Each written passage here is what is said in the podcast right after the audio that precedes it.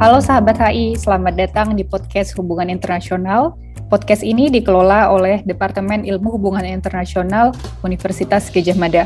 Hari ini saya Marwa, dosen Departemen Ilmu Hubungan Internasional bersama Mas Bosman, eh, PhD student dari IHE Delft dan juga University of Amsterdam.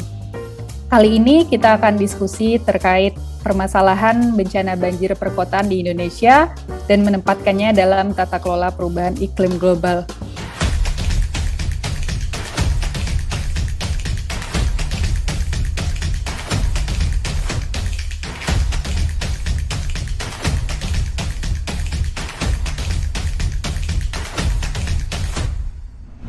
Halo Mas Bosman, selamat siang. Halo Marwa, selamat siang. Terima kasih. Iya, eh, terima kasih sudah bersedia untuk eh, join di podcast kita kali ini. Eh, jadi eh, inisiatifnya sebenarnya kita mengingat eh, hari ini kan kita merayakan Earth Day ya gitu. Jadi ketika eh, diskusi soal Earth pasti tidak bisa terlepaskan dari eh, kekhawatiran dan urgensi terhadap penanganan perubahan iklim yang sebenarnya udah disuarakan sejak eh, berapa tahun terakhir ini. Salah satu dampak perubahan iklim yang sering kali disorot ya, khususnya di Indonesia ini, itu banjir perkotaan. Semua orang saya pikir sudah familiar ya, apalagi kasusnya Jakarta yang tiap tahun tuh memang selalu jadi headline di berita-berita ya di awal tahun khususnya. Tapi meskipun memang telah beberapa kali ditekankan kalau misalnya perubahan iklim ini sebenarnya fenomena yang didampakkan apa bukan semata-mata fenomena alam gitu, tetapi juga ada campur tangan manusia.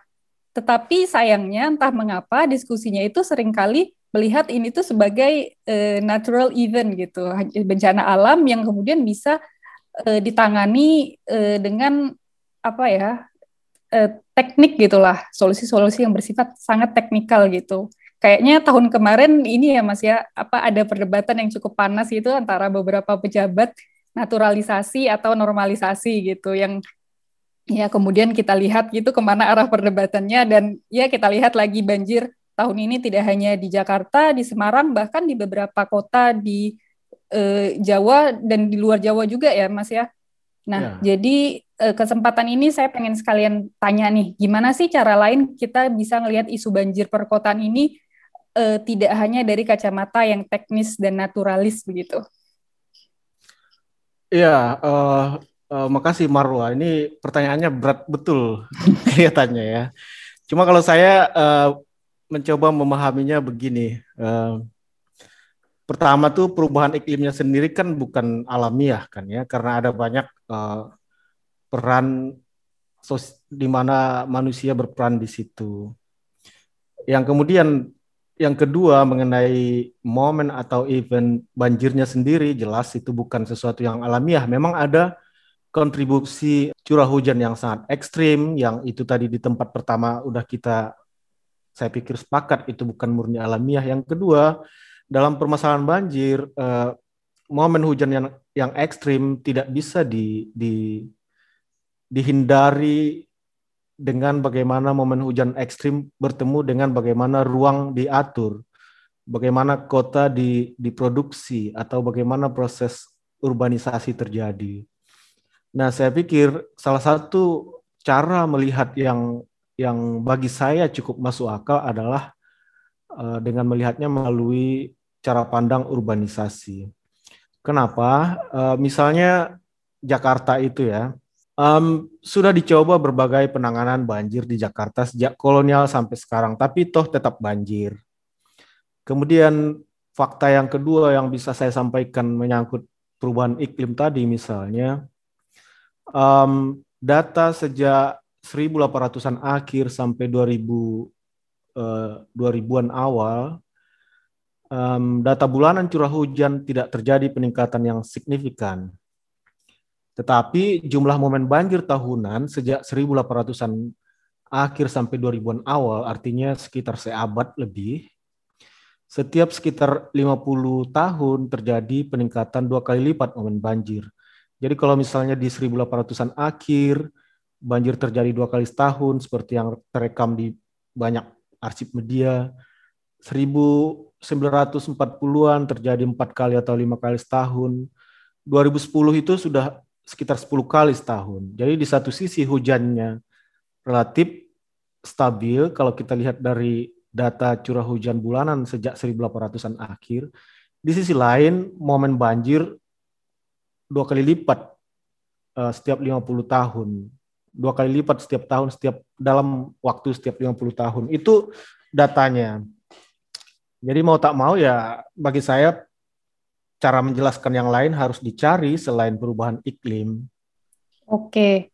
Nah, e, kalau misalnya kita melihat tuh dari datanya tuh kan ada maksudnya ada yang aneh gitu ya. Nah, buat ngelihatnya nih cara lain selain perubahan iklim gimana kita bisa melihat bagaimana banjir ini kemudian kok terus-menerus terjadi bahkan intensitasnya semakin tinggi e, beberapa ya. tahun terakhir ini. Ya, um, kita bisa teruskan tadi buka apa yang saya sebut sebagai urbanisasi itu. Kalau saya lihat banyak orang meriset di Jakarta, saya coba kelompokkan ya. Urbanisasi bisa dimaknai ke dalam uh, tiga hal. Yang pertama, bagaimana tumbuhnya kota yang direncanakan secara modern itu diawali oleh uh, pendirian Batavia oleh Belanda pada awal abad 17 yang didesain secara modern tapi kan di luar satu blok kecil Batavia di daerah Sunda Kelapa pada waktu itu sudah ada kampung-kampung yang uh, sebut saja izinkan saya menyebutnya organik atau lebih um, self managed kampung atau lebih lebih autokton.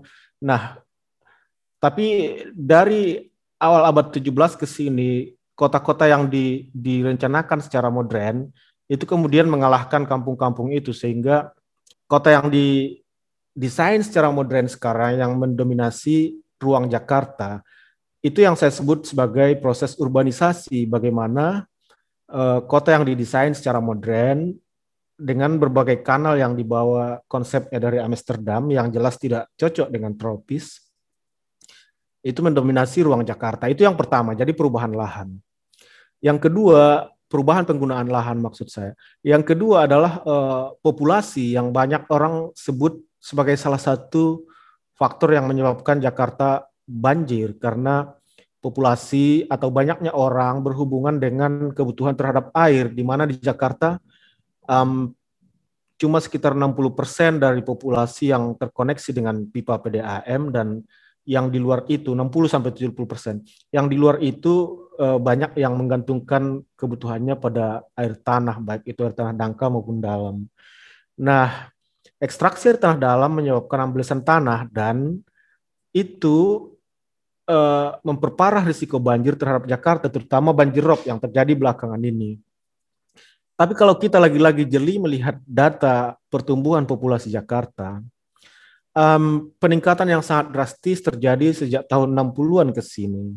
Jadi mulai dari abad, abad 17 awal sampai 1960-an tadi, cuma berkembang sampai sekitar angka 3 juta, uh, kurang lebih ya. Angka pastinya tentu ada banyak di banyak hasil riset itu. Tapi dari sejak 60-an ke sini dia kayak meledak menjadi sekarang Jakarta populasinya sekitar uh, 10 juta, Jabodetabek 28 juta atau sebut saja sekitar hampir 30 juta. Itu yang kedua populasi, bagaimana urbanisasi bisa dilihat. Yang ketiga adalah kalau saya banyak belajar air tanah itu urbanisasi air tanah. Jadi sekitar tahun um, 1800-an jumlah sumur air tanah di Jakarta tuh cuma sekitar 40-an. Um, dan sekitar 1960-an dia menjadi sekitar 350 sumur air tanah dalam. Tapi pada akhir periode Orde Baru, katakanlah 1998, itu jumlah sumur air tanah dalam udah menjadi 3.600-an. Artinya lagi-lagi ledakan sumur air tanah dalam terjadi di Jakarta dari periode 60-an ke sini. Itu tadi uh, yang yang saya lupa menyebutkan perubahan lahan yang masif juga menjadi semakin masif sejak 60-an ke sini di Jakarta yang pertama tadi.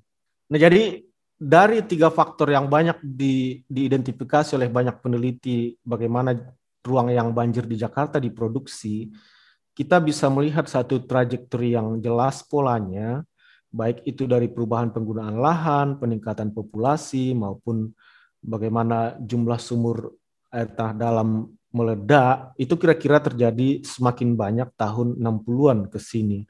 Itu yang saya sebut sebagai proses urbanisasi. Nah, ketiganya tuh saya pikir menyumbang terhadap bagaimana momen banjir di Jakarta diproduksi.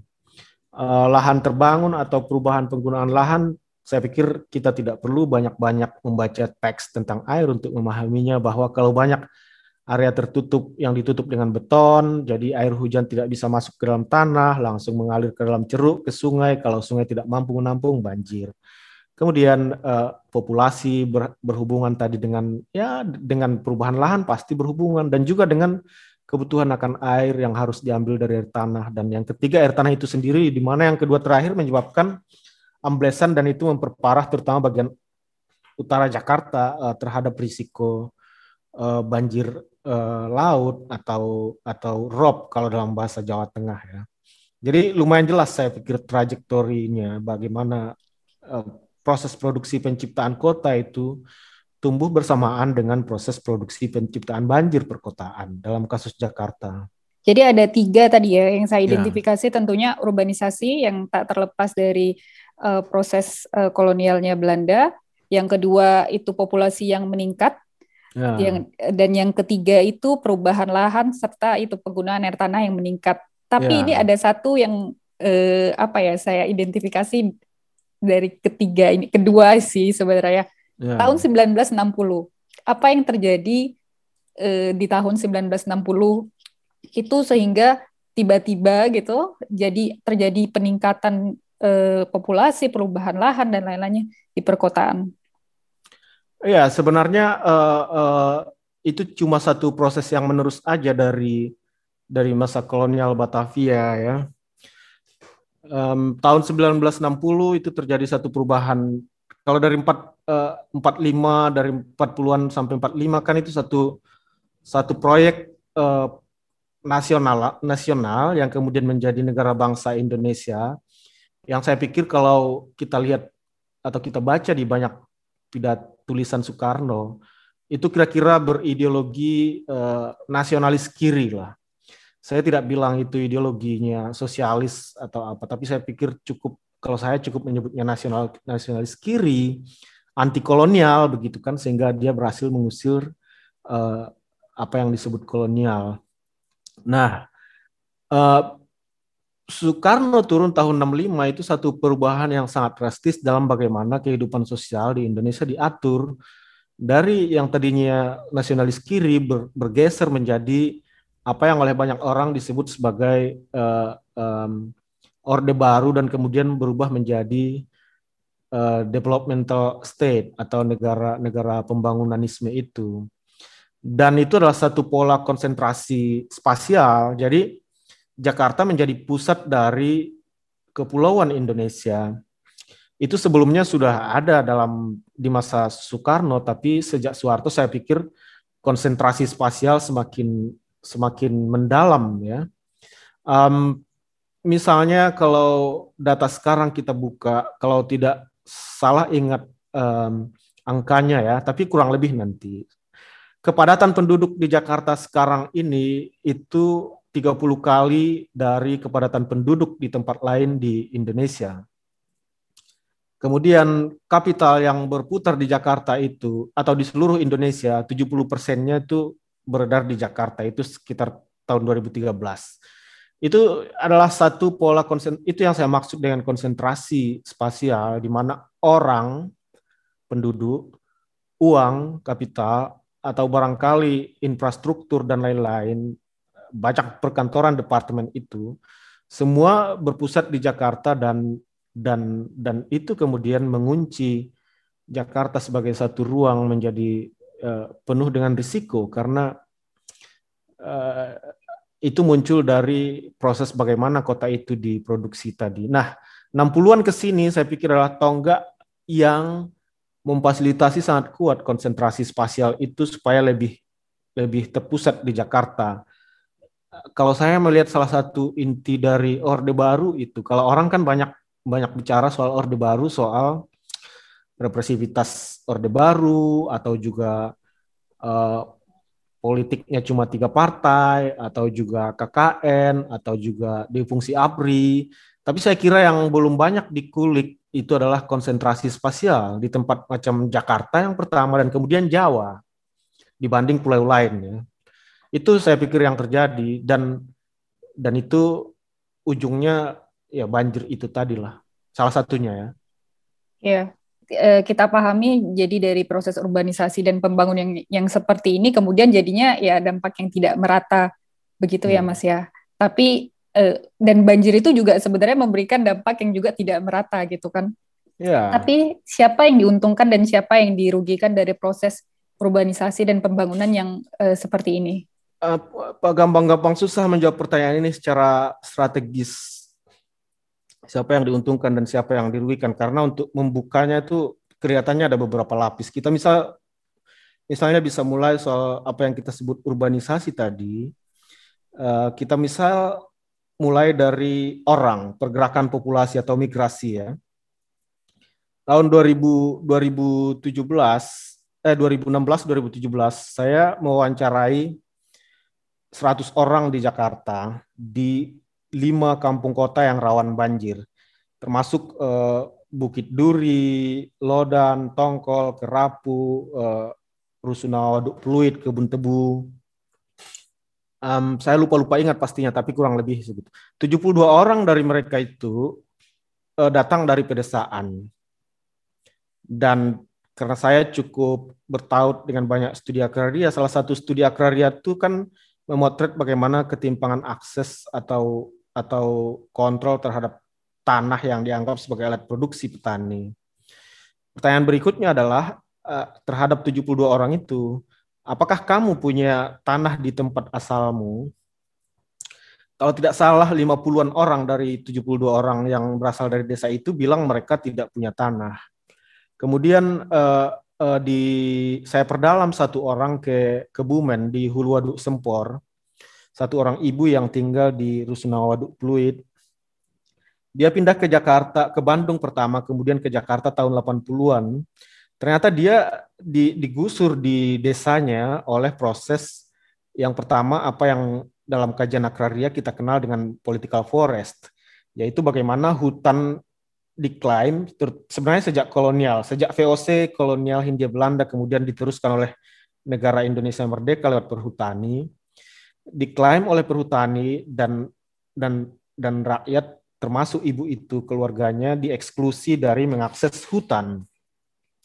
Dan juga pada masa itu kita punya satu program bernama Revolusi Hijau di bawah Orde Baru.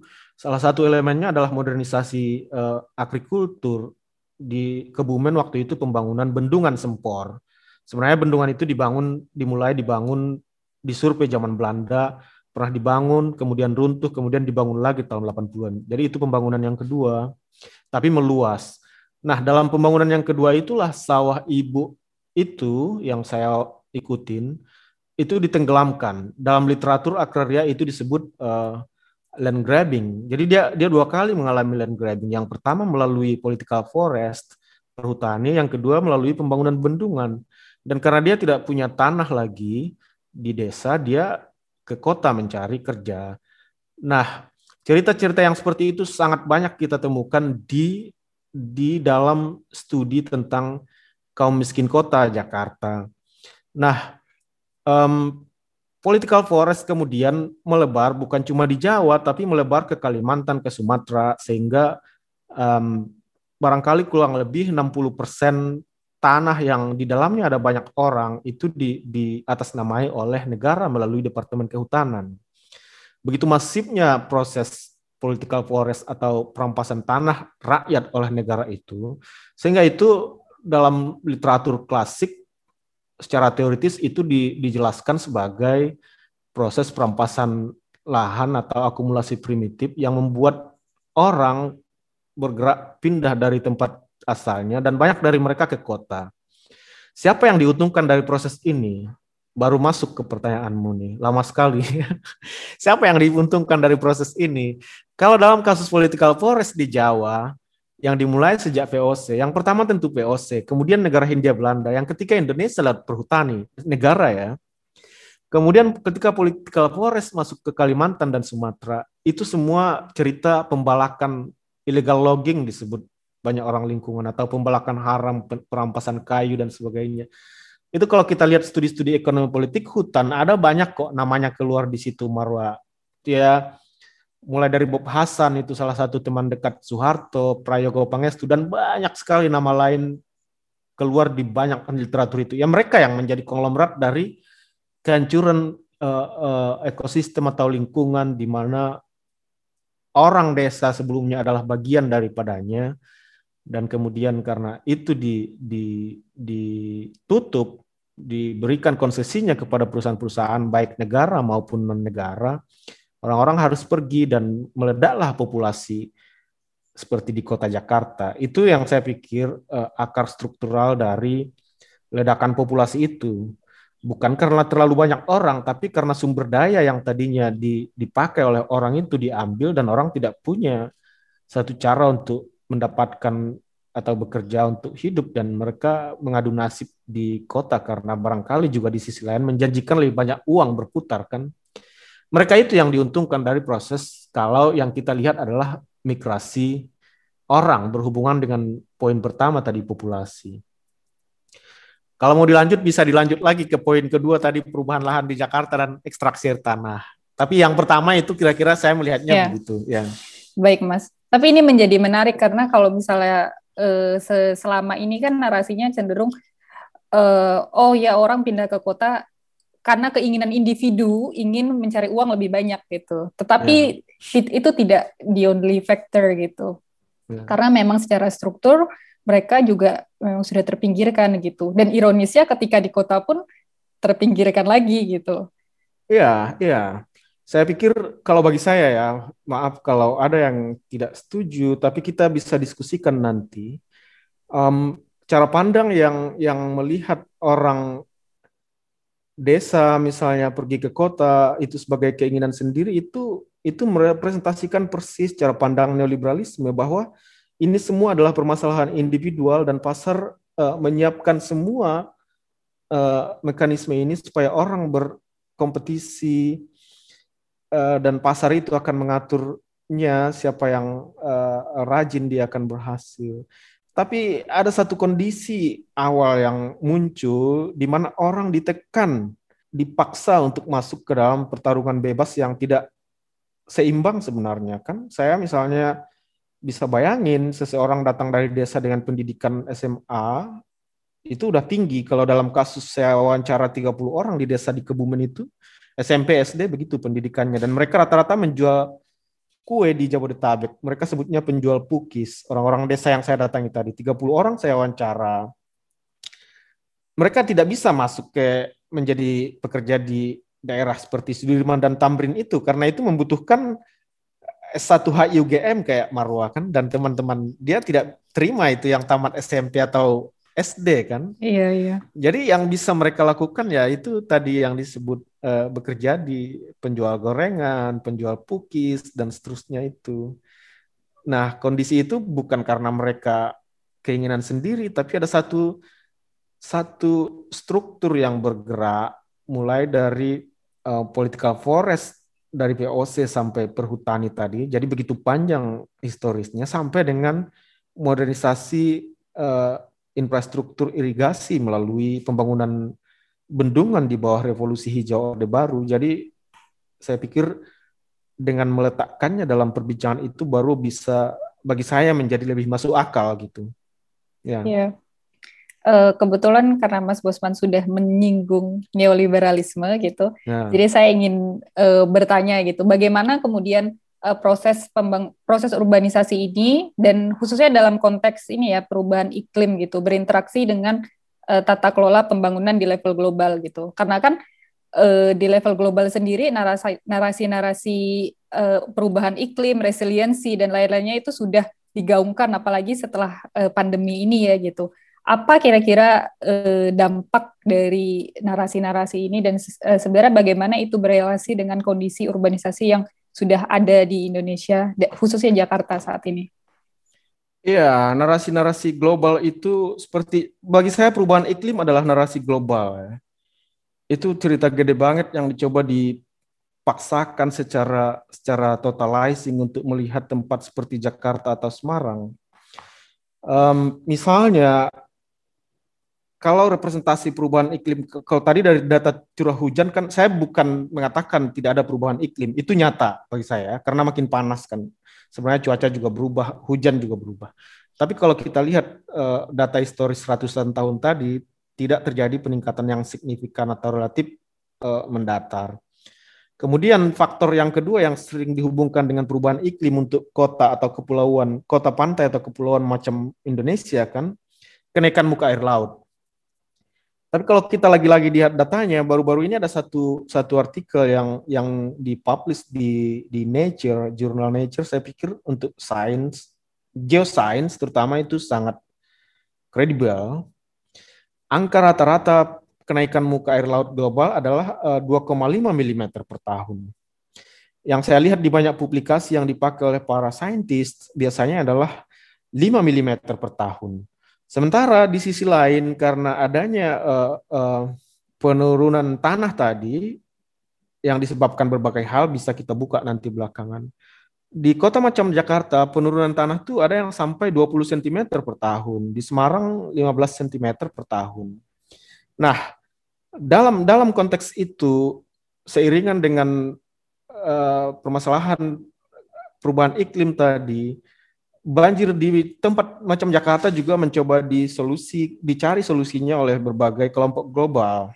Misalnya Bank Dunia di Jakarta ada proyek uh, yang yang jelas-jelas di website Bank Dunia dibiayai dari pinjaman sekitar 140 miliar USD yang bernama Jakarta Emergency Dredging Initiative.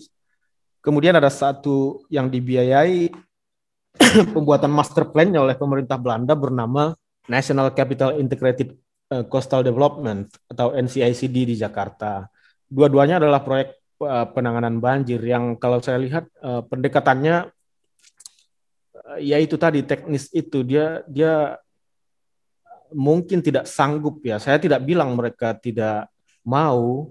Menurut saya mereka belum paham apa yang kita bicarakan ini. Karena banyak orang yang bekerja dalam membuat master plan dan dan master plan NCICD dan konsep uh, Jakarta Emergency Dredging Initiative itu adalah uh, orang teknik. Jadi mereka nggak terpapar dengan diskusi seperti ini. Itu solusi-solusi global yang coba ditawarkan ke Jakarta.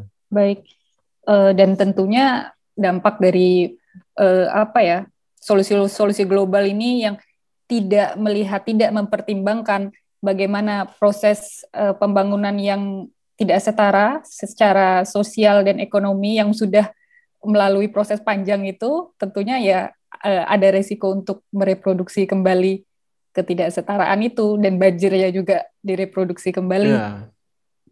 Persis, persis itu yang terjadi saya pikir. Ketidaksetaraan yang yang muncul dari proyek-proyek infrastruktur gede yang dua itu saja misalnya kalau saya ikuti perdebatan atau diskusi di Jakarta sekitar 2016, 2017 dan masih sampai ke sini, proyek NCICD misalnya akan menggusur sekitar 50 ribu nelayan. Dan itu membutuhkan banyak material urukan yang itu diambil dari serang, yang pasir serang, yang itu menyebabkan operasi pantai, hilangnya tambak-tambak nelayan di serang misalnya. Kemudian Jakarta uh, Emergency dredging project tadi dia akan menggusur yang yang kemudian diikuti oleh berbagai program yang kurang lebih sama oleh Pemprov Jakarta. Dia juga akan menggusur banyak kampung kota di di di kawasan Jakarta Utara seperti Tongkolo dan Kerapu, Kunir macam-macam uh, uh, kampung kota yang akan digusur dulunya oleh proyek itu sebelum mereka berhasil saya pikir sampai sekarang mereka beberapa tidak digusur karena mereka bisa melakukan satu gerakan penolakan. Ya. Ya, oke. Okay.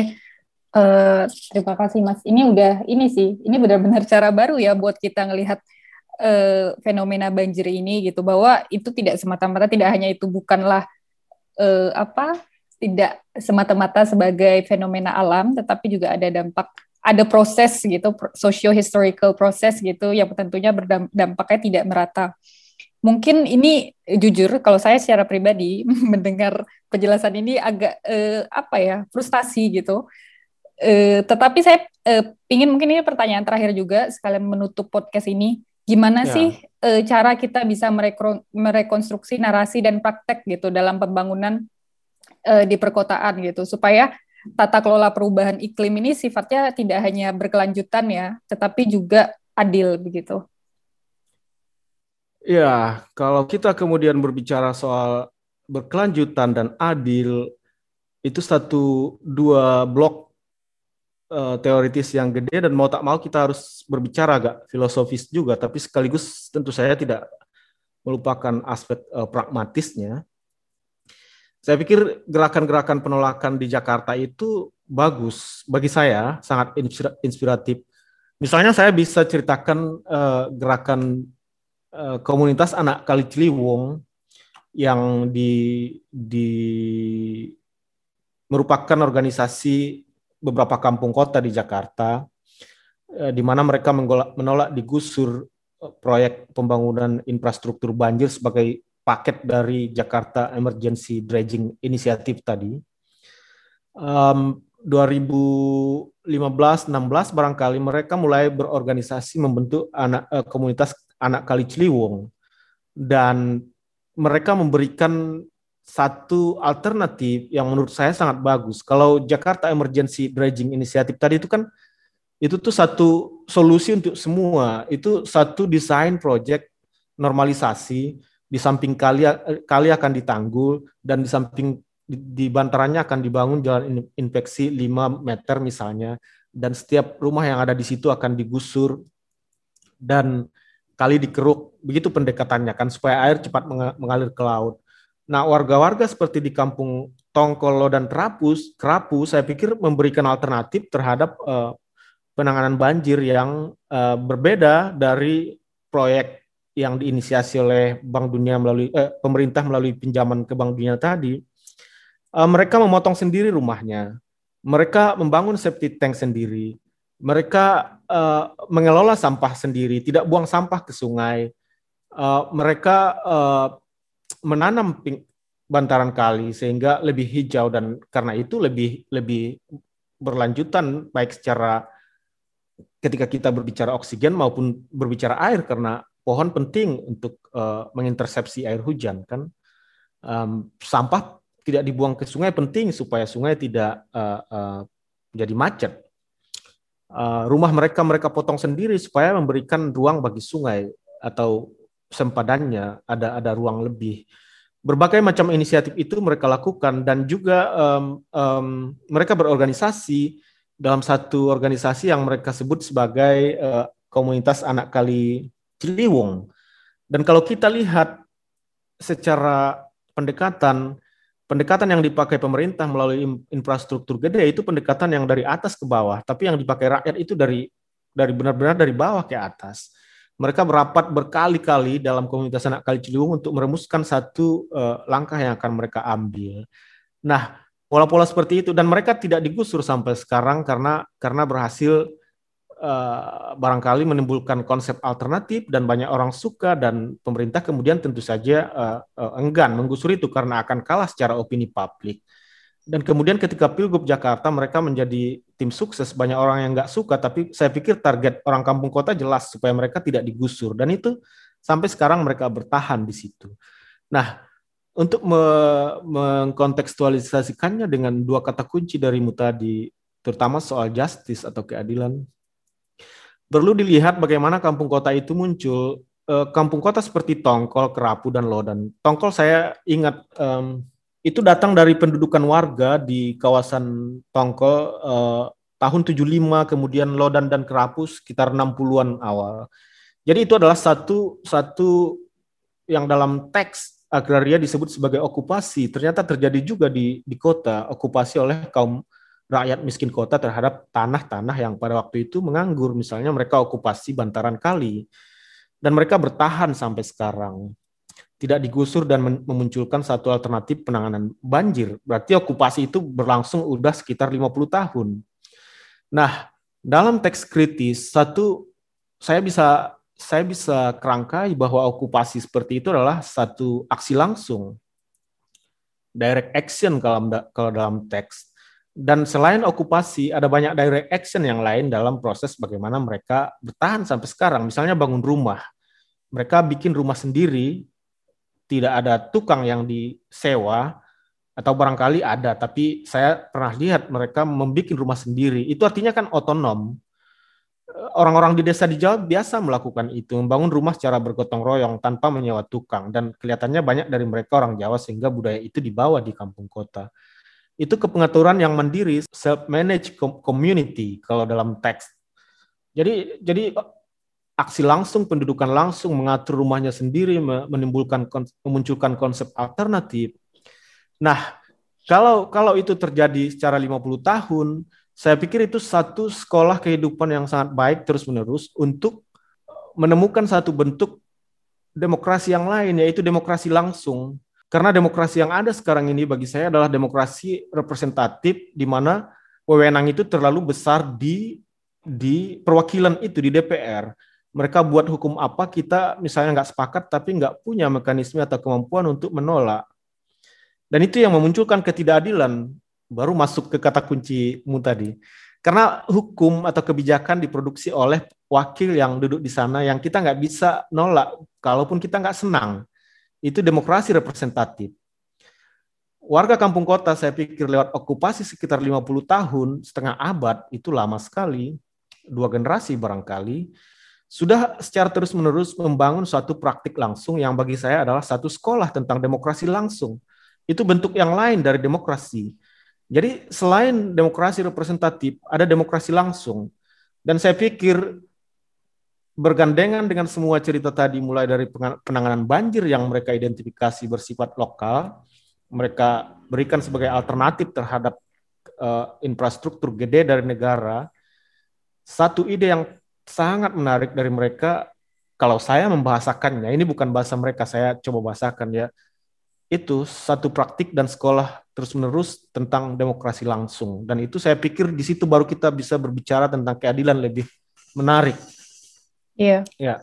Jadi sebenarnya bahkan goal yang lebih besar gitu ya, just nah. dan sustainable itu di sebenarnya mungkin gitu karena memang uh, apa local initiative dan direct action dari masyarakat sendiri itu memang sebenarnya sudah ada tetapi mungkin yang diperlukan adalah bagaimana supaya inisiatif-inisiatif ini bisa didukung dan bisa diberdayakan. Iya, bagaimana orang seperti Marwa dan teman-teman di HI itu melihatnya. Saya pikir masalahnya di situ. Yeah.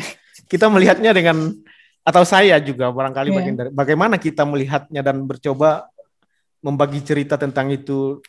Iya kan? Itu yang yeah. membuatnya semakin menarik. Ya harapannya melalui podcast ini uh, kita bisa sama-sama ini ya mencoba menggeser gitu cara pandang melihat cara pandang yang konvensional dan dominan gitu terhadap fenomena-fenomena uh, bencana alam ini gitu dengan cara yang lebih bagaimana ya lebih komprehensif mungkin dan lebih kompleks begitu lebih kritis saja lebih, lebih kritis. kritis ya ya lebih kritis ya Oke, baik. Eh, terima kasih Mas Bosman. Mungkin ini sekalian saya simpulkan ya. Jadi beberapa poin yang eh, ingin saya highlight gitu dari diskusi kita kali ini. Eh, yang pertama, lagi-lagi kita tidak mengatakan bahwa climate change itu tidak penting, apalagi tidak ada gitu. Itu ada ya, dan itu ya. penting gitu. Dan isunya memang tentu sangat mengancam gitu. Tetapi kita harus eh, berhati-hati gitu dalam melihat perubahan iklim ini dan dampak yang dihasilkannya. Jadi tidak hanya semata-mata sebagai fenomena alam yang mutlak gitu natural yang kemudian bisa diperbaiki dengan short term technological fix gitu, tetapi kita melihat itu sebagai proses panjang socio historical proses gitu yang dampaknya tentu eh, sangat tergantung pada social economic inequality juga kayak gitu. Uh, mungkin ini juga sekalian merefleksikan podcast HI sebelumnya ter terkait climate change gitu. Jadi bagaimana dampak climate change itu kepada individual dan negara itu akan sangat bergantung terhadap vulnerability masing-masing gitu. Yang tentunya lagi-lagi bergantung pada eh, dipengaruhi dengan socio-economic conditions kayak gitu. Jadi intervensi-intervensi yang sikapnya teknis gitu, uh, yang kita lihat dari national government ataupun international institution yang teknis dan juga uh, mengabaikan gitu unequal development dan vulnerability yang ada itu ada resiko untuk mereproduksi kembali tidak hanya banjir tetapi juga ketidakadilan gitu. Jadi uh, last positive notes tadi kita udah melihat bagaimana sebenarnya ada solusi-solusi yang sudah beredar di, sudah dipraktekkan oleh masyarakat gitu. Tetapi tinggal kuncinya bagaimana kita melihat tidak hanya fenomena ini tapi yang memungkinkan kita juga melihat untuk uh, bagaimana inisiatif-inisiatif ini ada dan dapat di upscale gitu sehingga bisa memungkinkan adanya uh, tata kelola perubahan iklim yang lebih berkelanjutan dan adil. Baik, kalau begitu terima kasih sekali lagi Mas Bosman. Semoga podcast kita hari ini bisa uh, membantu teman-teman dan sahabat HI untuk melihat uh, fenomena perubahan iklim global khususnya dampak yang kita lihat di Indonesia dari kacamata yang sedikit berbeda. Baik, terima kasih. Sehat selalu.